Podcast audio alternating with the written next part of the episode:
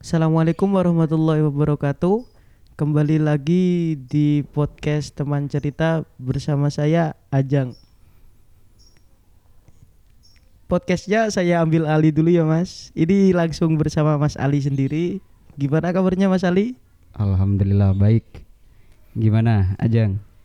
Ini di sini kita sekarang akan membahas tentang mahabbah atau cinta. Oke. Siap. Pembahasannya agak Jeru. rumit ya. Iya. Jeru kalau orang Banyuwangi katanya. Kenapa pengen bahas soal cinta, Jang? Iya kepingin aja karena kan eh, di masa-masa muda sekarang kan banyak teman-teman kita semua itu membahas atau bertanya-tanya apa sih itu tentang cinta itu apa? Kalau menurut Mas Ali sendiri, menurut Mas Ali sendiri itu apa cinta? Cinta. Eh, kalau dari saya cinta itu adalah rasa ya. Rasa yang ada di hati setiap manusia. Yang dulu pernah ada juga cinta juga. bisa jadi bisa jadi jadi apa pun eh, sebuah rasa yang ada dalam eh, hati kita masing-masing dan sebenarnya kalau ngomongin soal cinta saya berpendapat bahwa cinta itu wujudnya banyak dalam artian mungkin wujud sosoknya gitu kan iya benar. cinta kepada Allah, cinta kepada orang tua, cinta kepada kekasih, cinta kepada teman, sahabat dan lain sebagainya. Semua punya porsi yang berbeda, tapi tempatnya sama. Tidak boleh dipilih salah satu. Biasanya kan mungkin Ajeng pernah eh, karena Ajeng mungkin umurnya masih 20-an gitu kan ya. Iya. 20 apa 18? 20. Oh, 20. Nah, kalau berbicara soal cinta biasanya di umur-umur sekian kan masih bisa dikatakan ada kayak bucin dan lain sebagainya gitu kan. Iya.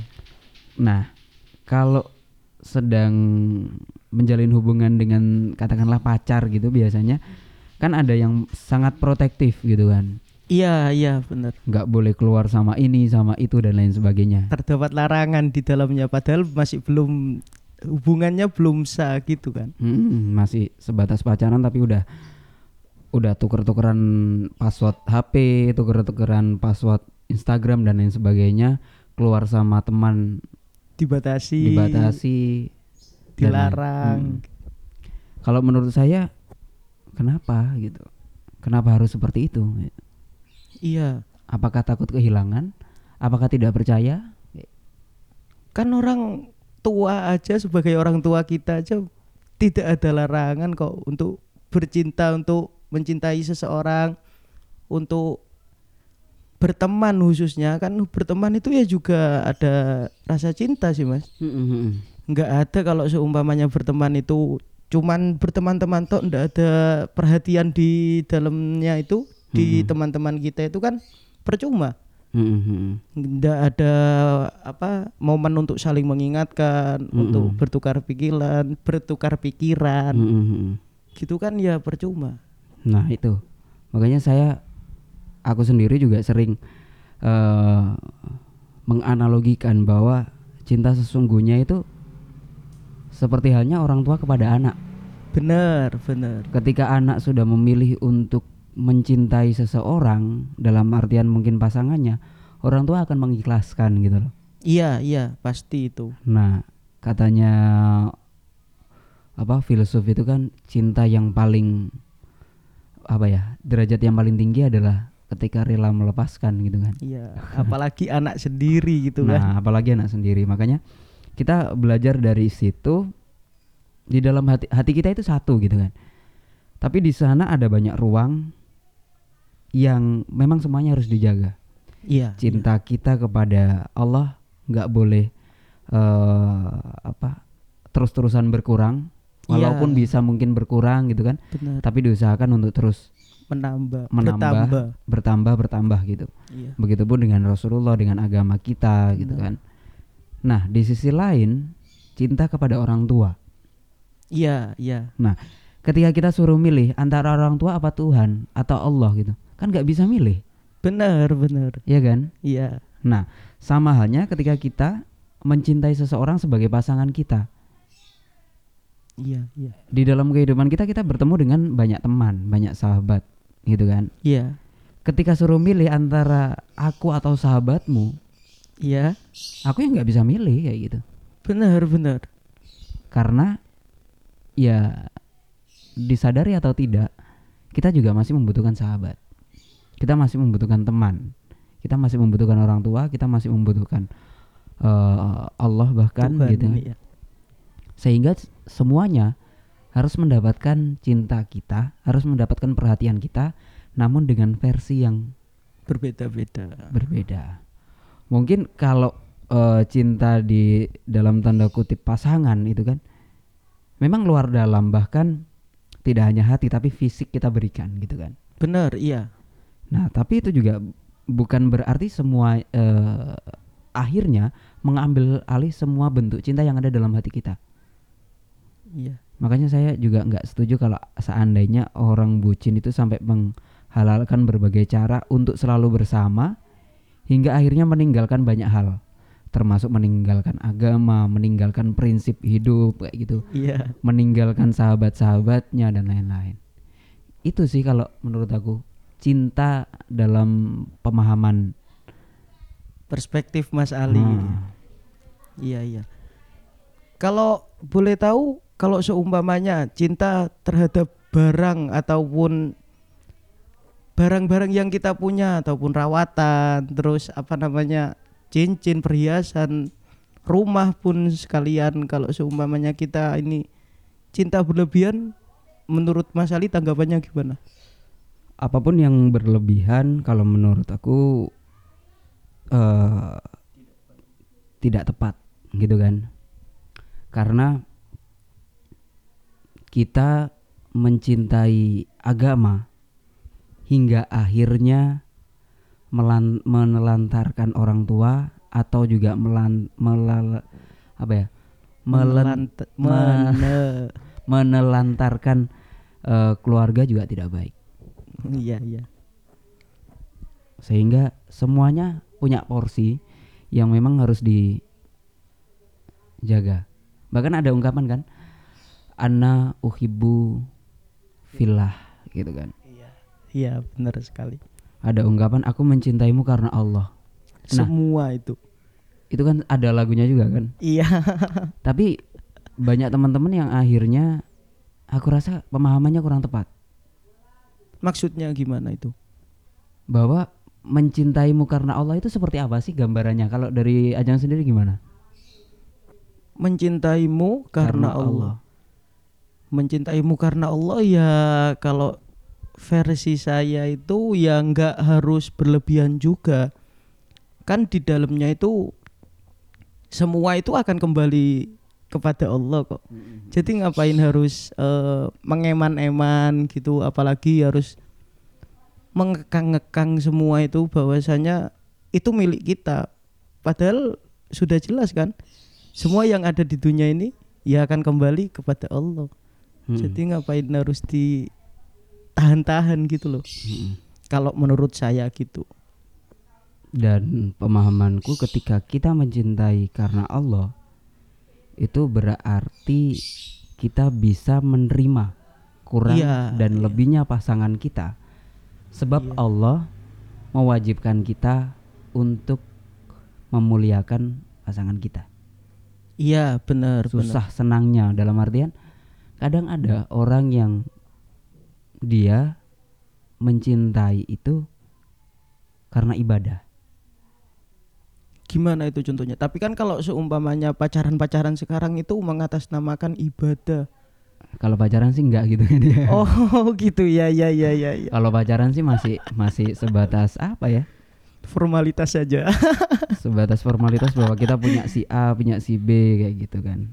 Tapi secara hukum kan nggak ada. Dan secara norma juga ada yang bilang nggak boleh, ada yang bilang jangan berlebihan.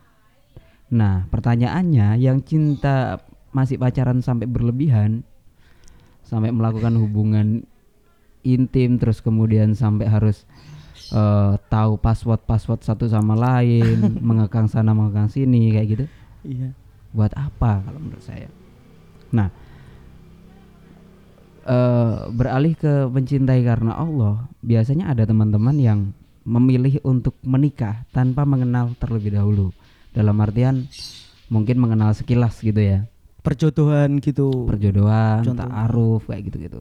Nah, mereka eh membangun cintanya itu setelah pernikahan dan ini bagus gitu kan. Karena apa pun aktivitasnya akhirnya halal. Gitu kan.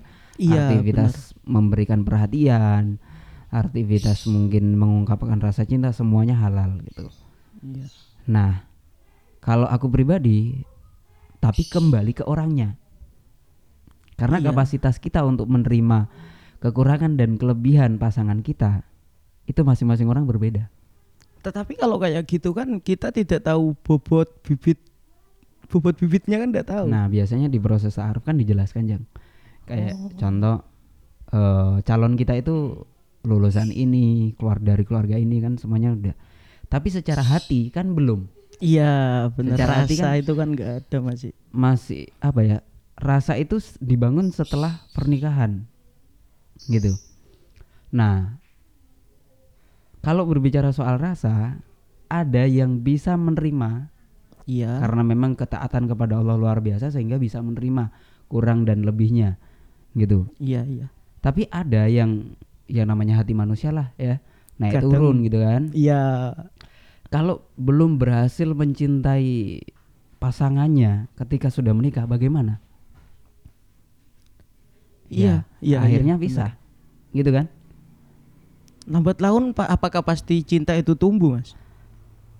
nah ini kembali lagi ke orangnya kalau dia punya daya juang dan memang memang punya mindset Ingin mempertahankan gitu tadi. ingin mempertahankan dan memang ingin membangun cinta itu bisa jadi tapi kalau seandainya karena iman ini berubah-ubah karena juga hasrat ini berubah-ubah dan lain sebagainya Iya. orang bisa terhukum maksudnya bisa terus menerus eh, terpenjara dalam perasaannya sendiri kayak belum belum cinta kayak gitu Iya, iya. Benar. dan pada akhirnya ketika menemukan sebuah kekurangan dari pasangan kita karena memang belum punya apa ya Belum tahu semua dari belum pasangan. tahu semuanya akhirnya kayak ada sesal dan lain sebagainya nah ini wajar baik eh, ta'aruf atau enggak atau pacaran dulu atau enggak kalau menurutku sih kalau aku pribadi aja ya nggak ngomongin soal agama ini tergantung dari kita kita yang mengenal kita tapi intinya ketika kita hidup menjadi manusia baik, mempertahankan cinta, membangun cinta. Ini kan kayak semacam pelajaran utama lah. Pelajaran pokok kayak contoh di kuliah itu pelajaran pokok kan bahasa Indonesia, Oh iya. agama kayak gitu kan. Iya. Mencoba untuk menerima kekurangan dan kelebihan orang lain. Ini kan pelajaran pokok dalam hidup. Berteman pun juga demikian kayak gitu kan. Benar, tapi semua semua itu kalau seumpamanya memang itu tidak ada paksaan dari dalam diri kita kan nggak akan ada timbul rasa suka, rasa cinta. Mm-mm. Mas. Ada yang bilang cinta itu bisa ditimbulkan. Benar. Iya, iya benar-benar itu, Benar. benar. karena ke kebersamaan akhirnya menimbulkan cinta. Itu saya sepakat dan sangat setuju teman-teman yang kemudian ta'aruf bisa membangun cinta, kemudian saling memberi dan menerima, saling saling melengkapi satu sama lain. Wah, luar biasa. Ini cinta yang eh, diharapkan dalam agama Iya, kita gitu. Benar-benar. Tapi kembali lagi, Iya. masing-masing kita kadang punya berbeda. Ketika pacaran bagaimana? Ya wes, lah ngono aku pacaran ae. Iya, Nah, karena kadang ada yang memilih seperti itu. iya. Kalau aku sih nggak berani menyalahkan ya, Iya, benar-benar. nggak berani menyalahkan, tapi harus saling menjaga. Iya. Mengenal boleh, mengenal boleh, tapi harus saling menjaga. Kayak harus contoh, tahu batasan gitu. harus tahu batasan. Karena yang terjadi di luar sana banyak yang akhirnya tidak tahu batasannya Iya, kayak keluar bareng itu kan kalau dalam agama Islam nggak boleh gitu kan iya. harus ada walinya harus ada orang eh, harus ada teman dan lain Iya, sebagainya iya. kayak gitu gitu apalagi yang sampai akhirnya senang-senang bareng kayak gitu dalam Iya, artian ya seperti itulah gitu. Iya, iya paham. Iya kan jadi memang semuanya pilihan ada di kita tinggal kita memilih jalan ceritanya seperti apa Kayak gitu. Iya, iya. kalau memang bisa ta'aruf dan itu bisa mempertahankan cita subhanallah luar biasa itu masya Allah kan Iya, benar. dan ketika wes lah aku nggak pingin menyesal sehingga aku harus mengenali pasangan saya sehingga harus pacaran dulu nggak Iya. apa-apa juga asalkan tahu batas-batasannya Paham. Hmm. itu sih ada lagi jang mungkin jang Terus kri- kriteria kalau seumpamanya sekarang kan banyak pasangan yang udah berpacaran, udah mengenal bertahun-tahun, Hmm. itu nggak sampai nikah itu kan ya banyak lah. Ada mungkin ya nggak beberapa lagi, ada banyak mungkin. Itu gimana cara memilih kriteria pasangan yang patut untuk kita jadikan makmum ataupun imam di masa depan? Itu Ah. gimana menurut Mas Ali? ada ungkapan gini waktu tidak menentukan kita untuk bisa mengenali pasangan kita luar dan dalam Iya, iya. ada yang sampai bertahun-tahun tapi masih belum menemukan Masih belum klop, masih belum bisa menerima kekurangan kita Mm. itu kan masih belum. Iya. bahkan mungkin. kekurangan kita masih belum kita tonjolkan kayak gitu Iya, kes- karena kan banyak sekarang apa sih yang katanya apa pacaran kok malah plus-plusnya aja, baik-baiknya aja kan Hmm. yang kita yang kita apa namanya? yang kita ketahui gitu kan Iya yang kita ketahui. Sedangkan buruk-buruknya, minus-minusnya kan kita jarang mengetahui. nah biasanya ada juga temenku malah jang Siapa itu? Oh jangan, jangan, jangan pacaran berlama-lama Iya, pacaran eh, mungkin bisa dikatakan tahunan lah gitu iya, iya. tapi kemudian menikah ternyata nggak sampai lama kayak gitu Menikah nggak sampai lama. Oh. Setelah menikah baru tahu. Oh iya, iya. baru tahu mungkin ada ketidakcocokan dan lain sebagainya itu ada ada juga yang eh, baru mengenal sebentar kemudian menikah ternyata lebih lama Langgeng gitu ya. langgeng ada juga yang baru menikah Iya. baru kenal juga akhirnya nggak lama kayak gitu kasusnya beragam kasusnya beragam dan ini kembali ke kitanya masing-masing yang menjalani Iya. ada kalau menurutku ada titik titik fokus di sana bahwa selama kita tidak mau belajar untuk menerima kelebihan dan kekurangan pasangan kita tidak ada hubungan yang bisa dipertahankan Jika sudah sah.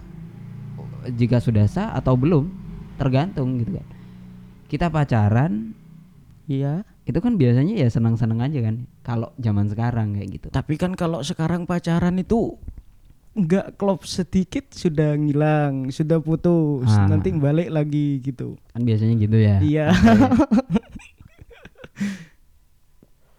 itu gimana, Pak? kalau aku pribadi pacaran itu adalah tahap di mana kita mencoba untuk belajar Mengenali. satu mengenali kedua belajar memposisikan diri karena Iya.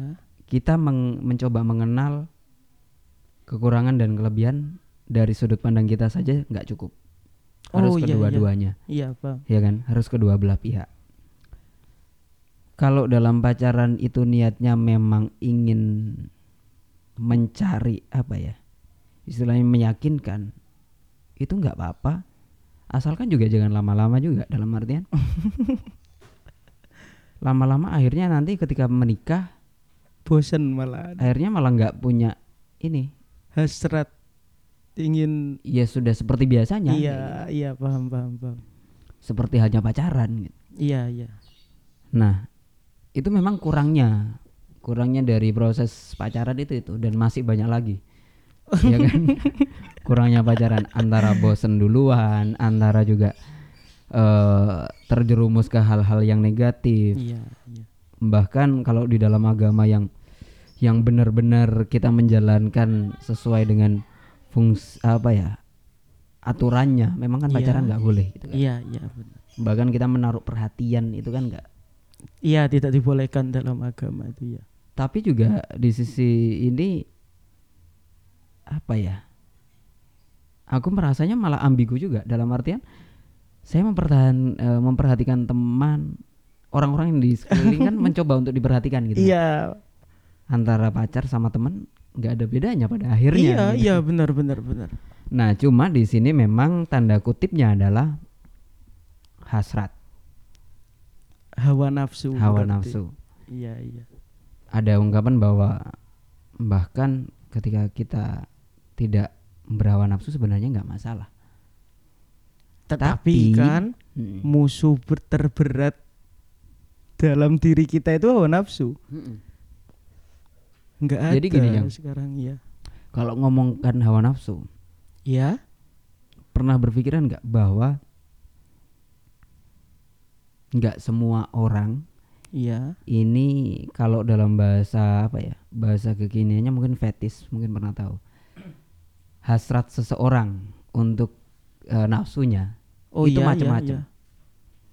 ada orang melihat eh sampai yonyon sewu ya mungkin ada yang melihat binatang itu nafsu ada kayak gitu ada Iya, yang iya, iya, iya. gitu kan Paham, iya, iya mungkin. ada yang melihat anak kecil itu nafsu Iya, kan banyak juga kasusnya kalau Nah, gitu. kayak gitu kan Iya. nah berarti kalau yang dititik beratkan adalah nafsu Iya. ketika itu sudah muncul dan kita sadar maka Iya. sebisa mungkin kita menghindari Iya, benar yang benar benar. awalnya ketemu anak kecil ini sebenarnya nggak masalah Iya. karena ada nafsu di sana yang mendorong sehingga ia harus membatasi Gitu paham. kan? Iya, iya.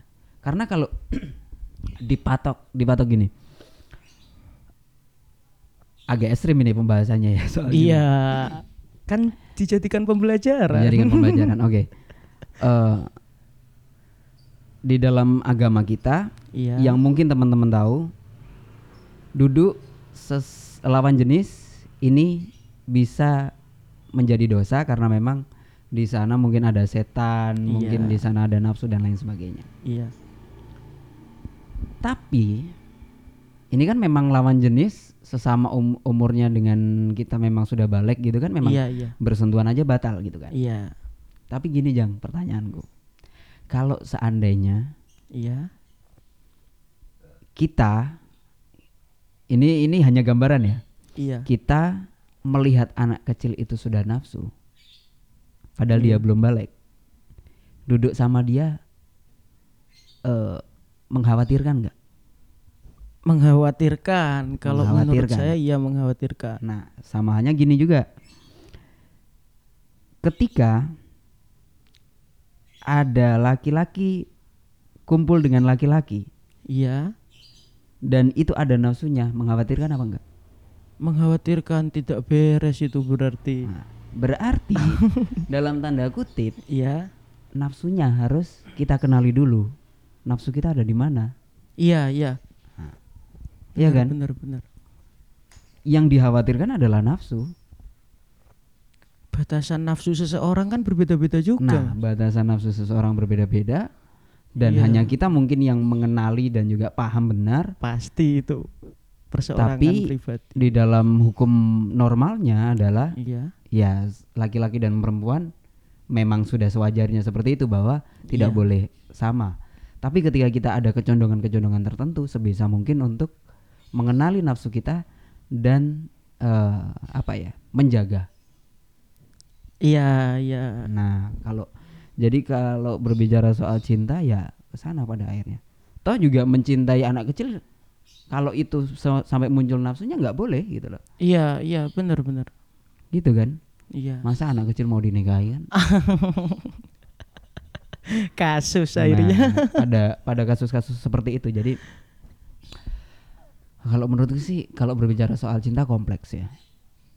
iya Eh, kita harus mengenal diri kita, harus mengenal nafsu kita seperti apa, dan kalau bisa memohon kepada Allah untuk membimbing nafsu kita juga. amin iya benar benar Karena hati manusia siapa yang tahu gitu kan, iya punya kecondongan-kecondongan di mana gitu. kan. iya benar Sehingga kita tautkan semuanya kepada Allah untuk membimbing gitu. iya Tapi yang jelas ketika itu yang dimaksud eh, mungkin mahabbah atau cinta itu kepada eh, seseorang yang nantinya akan menjadi pasangan kita, iya cintai karena Allah itu tepat sebenarnya. Mencintai karena Allah itu tepat karena kalau kita mencintai karena Allah, pasangan kita nggak perlu khawatir. Karena apa? Allah Allah lah yang menyuruh gitu kan. Allah yang menyuruh kita untuk memuliakan pasangan kita. Iya Allah yang menyuruh kita untuk menjaga kayak gitu kan. Nah, itu. Jadi ya banyak kasus memang di luar sana. banyak kasus dan ya mungkin eh, Ajeng sendiri punya mungkin pertanyaan-pertanyaan soal cinta ini bukan bukan nana ya ini diskusi lah iya kalau aja nggak setuju juga nggak masalah gitu iya iya nggak apa-apa. Eh intinya kita diskusi biar sama-sama mungkin belajar gitu kan. Eh, sama-sama belajar sama-sama mengingatkan bahwa ya memang cinta itu di dalam kehidupan kita sangat beragam. Bahkan cinta kepada uang juga ada kan? Ada ada kok. Mengeman-eman uang. Hubbud dunya itu. Iya betulnya itu ya ada. Ya kayak gitu-gitu. Nah pada akhirnya bagaimana kita eh menjalin sebuah apa membangun sebuah cinta gitu kan. Jat, ada lagunya jatuh cinta atau bangun cinta? Itu gimana maksudnya itu? Itu jadi baru wajar dengar itu? Ada Baru lagunya itu. Iya. Lebih baik bangun cinta. Gitu. daripada? Jatuh cinta. Hmm. itu lagunya Tri Composer kalau nggak salah. Jadi ya memang kita harus membangun cinta. Membangun cinta ya. Bahkan pada siapa pun kepada Allah juga membangun cinta gitu kan? Membangun itu konsepnya memperbarui apa menambah? Memupuk. Memupuk. Memupuk. Berarti menambah karena cinta itu sudah ada. Benihnya udah ada. Iya iya iya. Ya kan? Benih cinta kepada Allah itu udah ada. Tinggal bagaimana kita memupuk agar a- agar akhirnya eh, tampak dan berkembang. Kayak gitu. Kepada pasangan kita benihnya sudah ada. Tapi bagaimana mem- apa ya membuat cinta itu terlihat dan kemudian berkembang? Iya. Kepada orang tua juga gitu kan? Iya benih cinta itu ada. Tapi ada yang kadang hilang ada yang kadang redup dan Iya. lain-lain gitu. Dengan pasangan kita juga demikian. Sudah menjadi kodratnya laki-laki perempuan itu bisa saling mencintai. Apalagi Iya. kalau udah di kalau berbicara soal nafsu gitu kan. Iya iya bisa iya. jadi semuanya bisa bisa terjadi gitu. Nah tapi yang dibangun adalah cinta. Cinta itu suci loh. Cinta itu mulia iya. Gitu kan. Nafsu ini yang membuatkannya hina. Iya satu titik yang membuat hitam. Padahal kalau digambarkan cinta itu kan putih.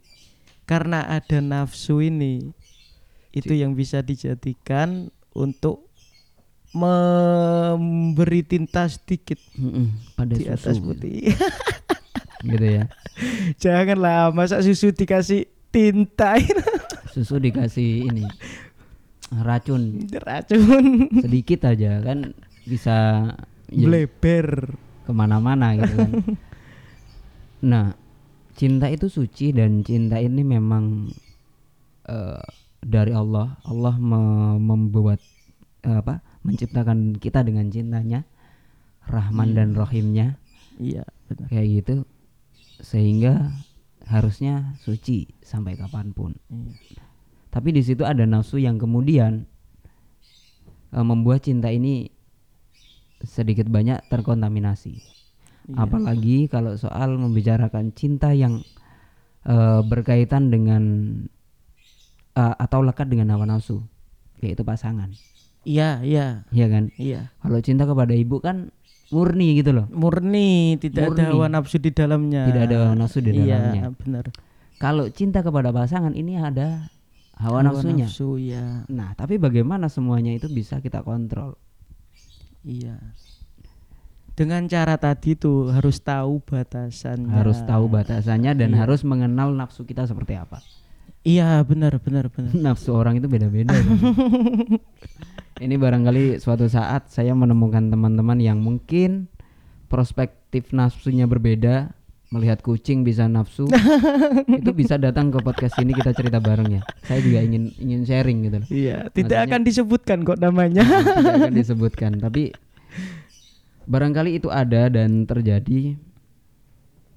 Ya, saya pribadi merasa kasihan iya, dan khawatir iya. gitu kan. Benar, iya. karena pasti mungkin cinta itu tidak apa ya tidak diinginkan ada Iya, tiba-tiba ada dan benar. kenapa itu kan mungkin Pasti juga ada sebabnya kan. pasti ada sebabnya Iya. dan setiap cerita itu bermakna Iya, setiap benar. luka harus dicarikan obatnya kan Iya, benar sekali. jadi nanti kalau ada teman-teman yang barangkali ingin bercerita silahkanlah gitu iya. Nah, mungkin ada lagi yang ada yang ingin disampaikan lagi soal catatan-catatan kecil biasanya kan ajang screenshot kata-kata tuh. Wis ngeri. cukup Barangkali. mungkin, Cukup, cukup mungkin, cukup, cukup, cukup. cukup ya. Kita cukupkan sampai di sini teman-teman dan mohon maaf apabila ada banyak salah kata ini. Soalnya adik kakak podcast lagi mencoba mencoba untuk ya sharing ke teman-teman dan sebenarnya ini nasihat saya kepada adik saya gitu kan nasihat Iya. Ajeng juga kepada saya semoga bisa apa ya semacam meletakkan cinta semuanya pada tempatnya masing-masing Tempat dan porsinya. dan semoga kemurnian cinta itu tetap terjaga kayak gitu kan Amin, benar. kalau kita merasa bahwa di dalam tubuh kita ada hawa nafsu yang mungkin sudah mulai aneh-aneh, gak apa-apa sebenarnya sadari itu, tapi juga sadar untuk bagaimana mengontrol atau juga bagaimana bahkan menghilangkan. Iya. Bisa kok, cinta dihilangkan itu bisa. Bisa sekali, bisa. Walaupun ketika putus juga move onnya lama gitu. Biasanya sih. Harus ada waktu. Harus ada waktu yang menjelaskan mungkin. Baik, itu saja. Saya tutup Nyeng, ya. Iya, iya. Ajeng yang tutup apa Saya kembalikan ke yang Moderator. punya yang punya podcast ini. Baik, eh, terima kasih teman cerita dan sampai jumpa di lain kesempatan. Kalau ada apa-apa jangan lupa untuk mencari tempat bercerita, jangan pendam apa pun eh, yang ada dalam diri kita sendirian, tapi juga jangan lupa jangan biarkan cerita kita melebar ke mana-mana atau tersebar ke mana-mana karena setiap aib juga perlu untuk dijaga. Assalamualaikum warahmatullahi taala wabarakatuh.